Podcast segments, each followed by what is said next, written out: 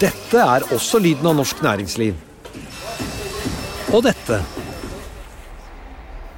Mens dette er økonomisjefen som nyter synet av ukens tall. Med økonomisystemet Xledger har du alltid kontroll og oversikt. Gå inn på xledger.no. Denne sendingen er sponset av Xledger. Bedriften står foran et utfordrende veivalg, eller kanskje en krevende omstillingsprosess. Og alle snur seg til deg, som leder. Hvem kan du snu deg til da? I Nordea vet vi at også ledere trenger noen å spørre. Og at de beste beslutningene tas på et grunnlag av kunnskap, erfaring og ekspertise. Som din bankpartner er vi her for deg med råd og veiledning. For alt fra ansvarlig vekst til viktige omstillingsvalg. Så når alle spør deg, da kan du spørre oss. Finn ut mer på nordea.no, din bankpartner.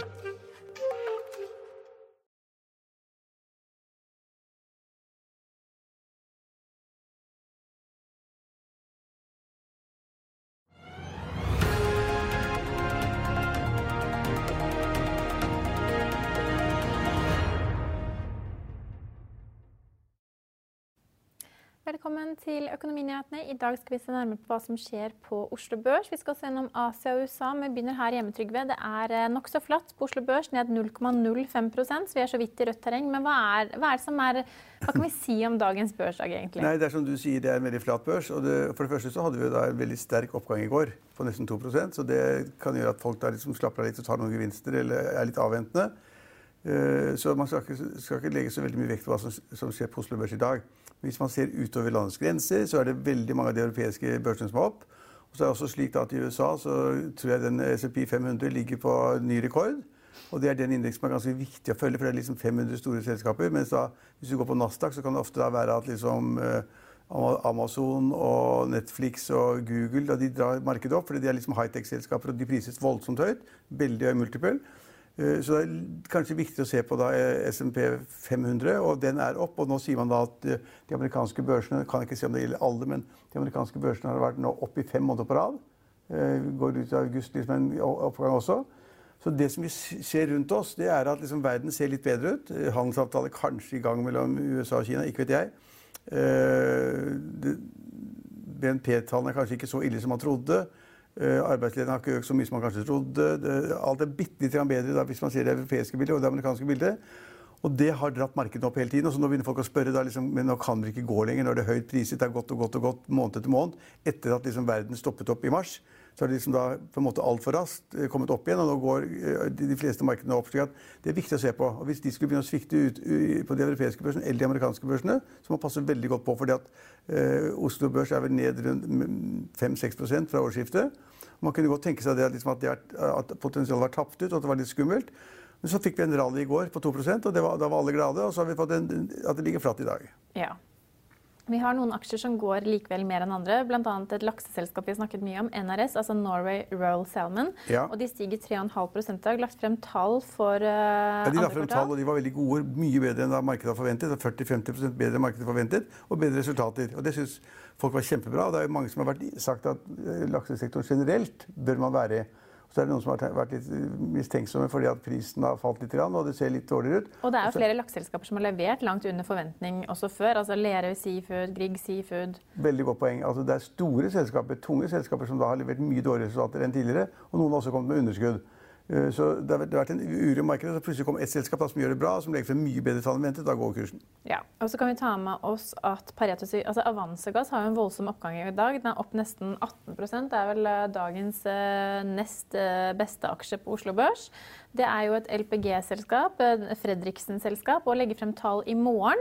Ja, så Jeg har ikke sett de tallene, da, selvfølgelig, for de kommer i morgen. Men det at kursen går nå, tyder på at noen vet det. At de antisiperer da, eller tror, eller har fått tips om, eller hva det måtte være om at da det kommer sterkere tall enn ventet, eller det er gode tall, eller hva som helst, og så går kursen da på forhånd. Det er, ja. så, det er ikke så, veldig bra. Men så hvis det da kommer veldig gode tall i morgen, og vi kan da si at mye var opp nå 16 er 18% Ja, og det er veldig mye da. Hvis man da liksom kobler det sammen, så vil kanskje da Oslo Børs begynne å sjekke hvem var som tredje og handlet i dag foran da veldig godt tall, hvis det er godt tall. Jeg har ikke peiling. Ja, Så har jo da SEB, da, et meglerhus, de ser jo da doblingsmulighet i aksjen dagen før disse tallene, og tar kursmålet opp fra 24 til 45 kroner. Den står jo rundt 24 kroner i aksjen akkurat nå. Eh, og Paret Securities kutter kursmålet fra 60 til 40 kroner, men fortsatt en solid oppside da, hvis man sammenligner med dagens kurs. Ja, Det du sier nå er veldig viktig, og det liker jeg ikke å høre. For det er åpenbart at det er stor, stor altså det er reaksjon i aksjen uten at man da har noen konkrete tall i dag. Men at det får man forventer veldig eh, andre tall i morgen, det er skummelt. Men kan det godt tenkes at det, det kommer dårlige tall i morgen? Og at da markedet har misforstått, og at de har kjørt kursen opp i dag eller spekulativt kjørt det opp? You never know. Men det er viktig å få kommentert i morgen. Ja.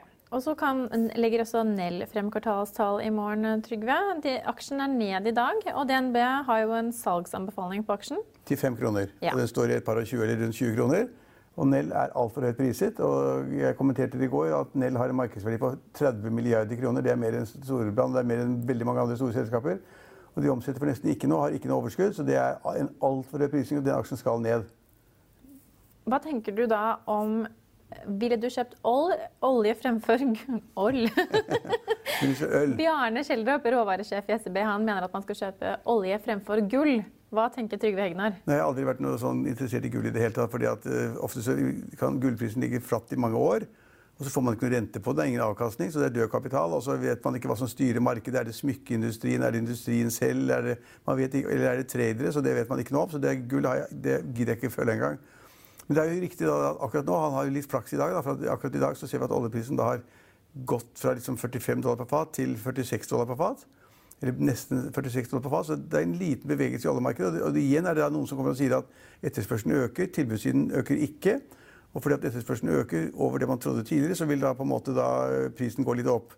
På den annen side så er det da sånne som meg, som er litt mer sånn ser mer på de faktiske forhold, ser på liksom, ja, ikke spekulasjoner, da, så ser man det, at det ser ut som etterspørselen på årsbasis i år vil være 10 millioner fat mindre per dag enn det man hadde regnet med. og Det er klart, det er ikke bra. Så etterspørselen har sviktet, men kanskje den har begynt å, å, gå litt opp igjen. Ja, og så kan vi ta med at Norsk BNP falt jo da 6,3% i andre kvartal. Det er verre under det verste kvartalet i finanskrisen. Ja, Det er et veldig alvorlig sak, men det er ingen overraskelse. for Vi vet jo hva som skjedde midt i mars. altså januar, februar, mars. Da var det liksom første kvartal, og så begynte da katastrofen med den, altså nedlåsing av økonomien og forbudsrett på hytta, forbud, søre, hva heter søringforbud. Søringer fikk ikke lov til å reise til Nord-Norge. Og verden eh, låste ned alt som var, og det var katastrofe. Så vi vet jo det at annet kvartal ville gi veldig dårlige tall, og det var da en nedgang i BNP på 6,3 uh, Og så er det noen som sier at det kunne vært verre. Kunne vært verre. Og det er såpass bra at man liksom ser at uh, en oppgang i det fjerne, og at renten istedenfor å gå ned og ligge flatt, vil begynne å gå opp igjen. Det er jo litt skeptisk til. da. Ja, for at Du sa at vi ikke kunne forvente oss at renten Basert på det Norges Bank kommuniserte sist uke, så mente du at det var ikke snakk om at man skulle heve renten før tidligst 2022. Men nå sier da Frank Julum, som er sjeføkonom i Danske Bank, at uh, denne rentehevingen kan komme allerede neste år. Hva tenker du om det? Altså han, det, er, det, er, en sånn spekulativ uttalelse. Han må få lov å si det og tro det. Og han har også en begrunnelse for det. Men altså, poenget var at Norges Bank trodde at renten skulle gå opp i 2023. Det er ganske lenge til. Og så så de på tallene og så de på boligmarkedet og prisene i oppgangen der. Og så senket de rentemannen slik at man kunne si at nå tror Norges Bank kanskje at renten vil gå opp, eller bli satt litt opp i 2022. Og så sier Jullum nå det, det at ja, det blir enda tidligere, for det går såpass bra med, den, med det fallet i BNP så vil man da kunne, Norges Bank kanskje sette opp renten neste år, som er 2021. Det vet jeg ikke noe om. og Verden er jo ikke over krisen ennå. Og nå kommer da meldinger nå om at liksom altså, Sverige er et rødt land, Danmark er et rødt land, Storbritannia er et rødt land. Og nå kommer meldinger om kanskje Tyskland er et rødt land. Altså, i, Europa så er det mer og mer nedstengninger. Det vil gå utover veksten generelt. Det vil gå utover ledigheten fordi at folk da blir sagt opp fra alle de jobbene sine.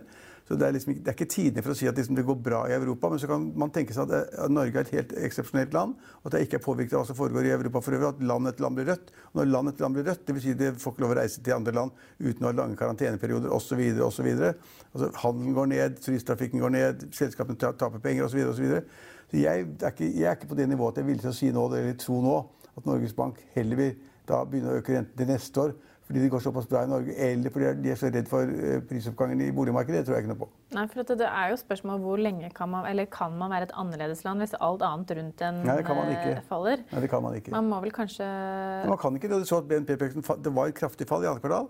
Og så er det et litt spørsmål som man har sett tegn til. Det er, det, det er kanskje han har festet lit til. Det er tegn på at økonomien er litt bedre i mai og juni. At det har vært en liten oppgang kanskje da, i BNP. Hvis man måler BNP på månedsbasis, hva man folk normalt ikke gjør, så kan man tenke seg at det er en litt økning i økonomien i mai og juni i Norge. Men så kan man få en smell så det suser i fjerde kvartal fordi at det går såpass dårlig i Europa. Og fordi man stenger ned overalt igjen. Altså når man stenger, eller Hvis de stenger ned i Tyskland, og, de, og de har stengt ned i Storbritannia, og de har stengt ned i Danmark og mesteparten av Sverige, eh, og det kommer flere andre land som stenger deler av økonomien og deler av, av, av landene. Så ser, jeg syns ikke det ser noe bra ut i det hele tatt. Nei. Vi snakket jo fra morgenen av om en helt annen sak. altså at Nicolai Tangen i går kveld eh, offentliggjorde på en pressekonferanse at han avvikler sitt eierskap i Aker Capital. Eh, og hvis det ikke er noe mer vi bør ta med oss fra Oslo Børs, så tror jeg vi skal sette over til deg, Trygve, og se hva du sa i dag morges. ja. Trygve Hegnar, i går tok Norges Bank og Tangen-saken en ny vending. Nicolai Tangen selger seg ut av hedgefondet Aker Capital, og, som han selv var med å starte. Kunne man forutse et slikt utfall? Nei, det var ikke så lett. Altså, han hadde jo sagt at han ikke ville ta stillingen hvis han ikke fikk beholde denne eierandelen i det forvalterselskapet. Og så ble han utsatt for et voldsomt trykk fra politikere, og også, kanskje også fra Norges Bank. Og til slutt, fordi han er så kjempekeen på å få den jobben som sjef for oljefondet, så da ga han seg og sa at jeg gir fra meg andelen i AKO forvaltningsselskap til The Aker Foundation. Og det var en løsning da var på en måte den bindingen mellom han og fondet hans var brutt. Og da kunne man da hevde at det ikke er noen interessekonflikter mellom da oljefondet og det som da kunne være interessene til Aco, Aco Capital. Så ja. Er du overrasket over beslutningen? Litt er jeg overrasket, fordi jeg trodde nok han ville sitte og kreve å beholde eierandeler. fordi Han begynte med å si det, så hvorfor skal han da gi avkall på det etter hvert? Men det viser altså at hans guttedrøm å bli sjef i oljefondet var så sterk at han ville inn i oljefondet. Han vil forvalte våre sparepenger, som er 10 000 milliarder kroner, og det er jo veldig morsomt. Det er et par ord man merker seg i denne prosessen. Politikk, interessekonflikter og tillit. Hvem er det som peker seg ut som vinnerne i saken? Ja, Vinnerne er nok kanskje politikerne i dette tilfellet. Egentlig hadde de ikke noe med det å gjøre. Vi har en, sånn, vi en sentralbanklov som sier at Norges Bank skal utnevne, da, sentral, ut, utnevne sjefen for oljefondet. Eh, men politikerne trodde det var en ubehagelig sammenheng mellom fondet og det å forvalte oljefondet. Og de presset på da at han skulle si fra seg alle eierinteresser som kunne tyde på en sammenheng, en interessekonflikt. Og Tangen ga seg. Og det var kanskje ikke helt å vente. slik Det var jo noen som trodde da i går at Tangen ville trekke seg gi blaffen i hele greia og gå tilbake til sin forvalteroppgave og leve et godt liv. Og så har han utrolig mye penger. Han har 7 milliarder kroner i kontanter. Eh, og det skulle holde en stund, iallfall til å betale formuesskatten. Har prosessen gitt sentralbanksjef Øystein Olsen en skrape i lakken? Ja, en ganske sterk skrape. Han har vært veldig dårlig i selve prosessen. Han ville ha Tangen inn. Han gjennomførte ikke nok skikkelig øh, gjennomgang av liksom hvordan avtalen kunne se ut. og Det var altfor opplagt at noen ville kritisere den såkalte interessekonflikten. Så han har fått en rip i lakken, men han har fått den mannen han ville ha. Tangen setter nå alle pengene sine i banken. Hva tenker Hegnar, er det bra timing å ha penger i banken? Nei, ikke særlig. Jeg tipper at han får rundt 0, 0 rente eller 1% eller kanskje negativ rente. Hvis du kommer til en bank i dag i Norge eller i Europa med 7 milliarder kroner, så får du sannsynligvis negativ rente, fordi de sier at er, vi trenger ikke pengene dine, markedet flyter av penger, og det er ikke noen renter å få. Men hvis du vil at vi skal passe på dem for deg, sikre dem for deg, så kan vi da gi deg minus 1% rente. Det var tilsynelatende god stemning på pressekonferansen i går kveld. Øystein Olsen og Nicolai Tangen tullet jo også litt med hverandre. Eh, ordnet dette seg til det beste? Ja, det ordnet deg til det beste, men jeg, det er et par poeng som ikke kommer så godt frem. De skal skrive om i morgen. Jeg vil også ta med at Hvis du ønsker at vi skal analysere noen aksjer for dere, så må dere sende de til tvtips at finansavisen.no. Vi skal over til Asiabørsene, hvor det var litt blandet i dag. I Japan endte Nikki 225 og Topix opp 1,4 og 1,2% I Kina steg CSI 300 0,1 mens Hang Seng i Hongkong falt tilbake 0,3 Så skal vi høre om 2020 blir retail-investorenes år. This isn't just, though, about the US. There's some more global reference points here. How substantial is this surge of retail enthusiasm around the world? Yeah, good morning. Well, for, for just an example, I take you to China, where we are seeing new brokerage accounts opened at the fastest pace since the stock bubble back in 2015. Uh, and if you look at July, there were 2.4 million new brokerage accounts opened, uh, and we've seen a surge 6.5% this year. But honestly, I could tell you about this rise of retail investors in so many markets around the world. We could talk about India. We could talk about the UK, where Hargreaves, AJ Bell, both saying they've seen brand a lot of brand new accounts. We could talk about Schwab. We could talk about TD Ameritrade that also say they're seeing new accounts. And we could talk about the huge surge in Asia trading volume. This all this thought to be caused by retail investors, just indicative of how much of an effect they're having on the composition of the markets. What do we know, Simone, about um, where the retail money is going?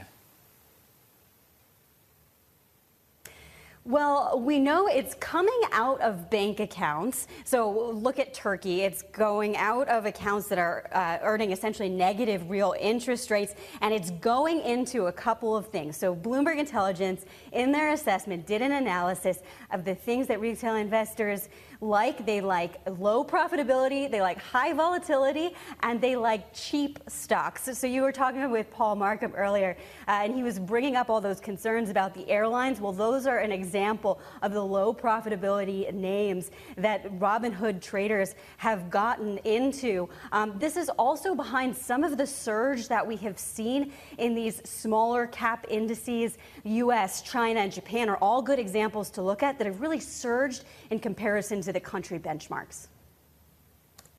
Ja, Da skal vi over til USA, hvor det er eh, litt uh, uklart hvordan markedet vil utvikle seg i dag. Vi ser i hvert fall små uh, utslag i forskjellig retning. Akkurat nå er Dow Jones ned 0,15% mens Nasdaq ligger helt flatt på 0% mens SMP 500 stiger 0,1% til altså nye rekordnoteringer. Vi noterer oss at de syv største selskapene i USA har nå 23% eller over 23% av den totale markedsverdien.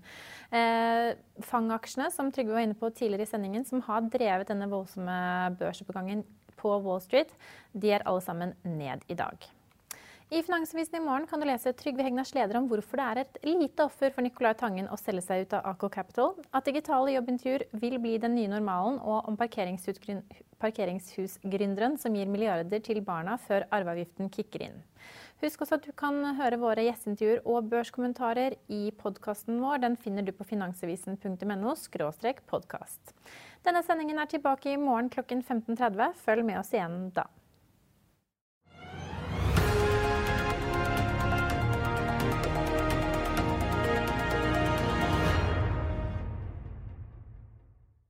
Denne sendingen er sponset av X-Leger. ACAST powers the world's best podcasts. Here's a show that we recommend.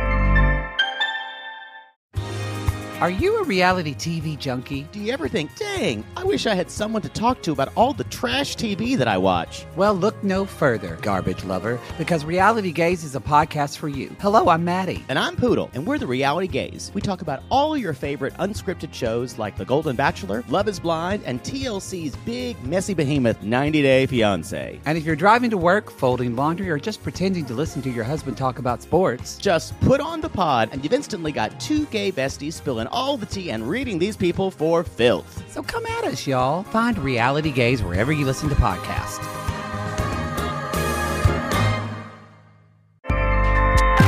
ACAST helps creators launch, grow, and monetize their podcasts everywhere. ACAST.com. Økonominyhetene er en podkast fra Finansavisen. Programledere er Marius Lorentzen, Stein Ove Haugen og Benedikte Storm Bamvik. Produsenter er Lars Brenden Skram og Bashar Johar. Og ansvarlig redaktør er Trygve Hegnar.